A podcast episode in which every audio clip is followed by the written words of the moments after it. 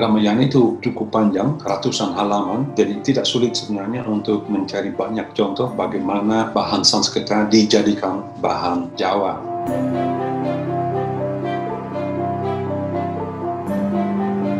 tapi saya batasi diri kepada dua contoh saja yang dulunya diambil dari bidang peran wanita.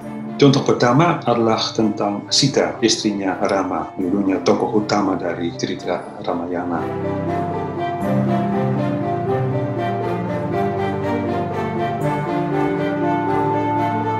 Sita sesudah diculik oleh Rawana, ingat, menulis surat kepada suaminya untuk meminta tolong suratnya, surat Sita itu dalam cerita itu merupakan unsur khas versi Jawa kuno. Tidak ada dalam versi India.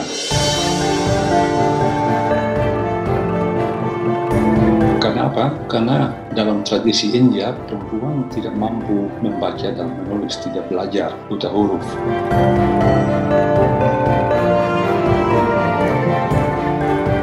Nah, jadi ini pembaharuan Jawa, ya betul apa artinya? Apakah berarti bahwa pendidikan untuk cewek mungkin di lingkungan tertentu sudah ada? Mungkin saja. Ya, bukan mungkin, memang pasti. Karena aneh kalau Sita menulis surat dan tidak belajar dulu.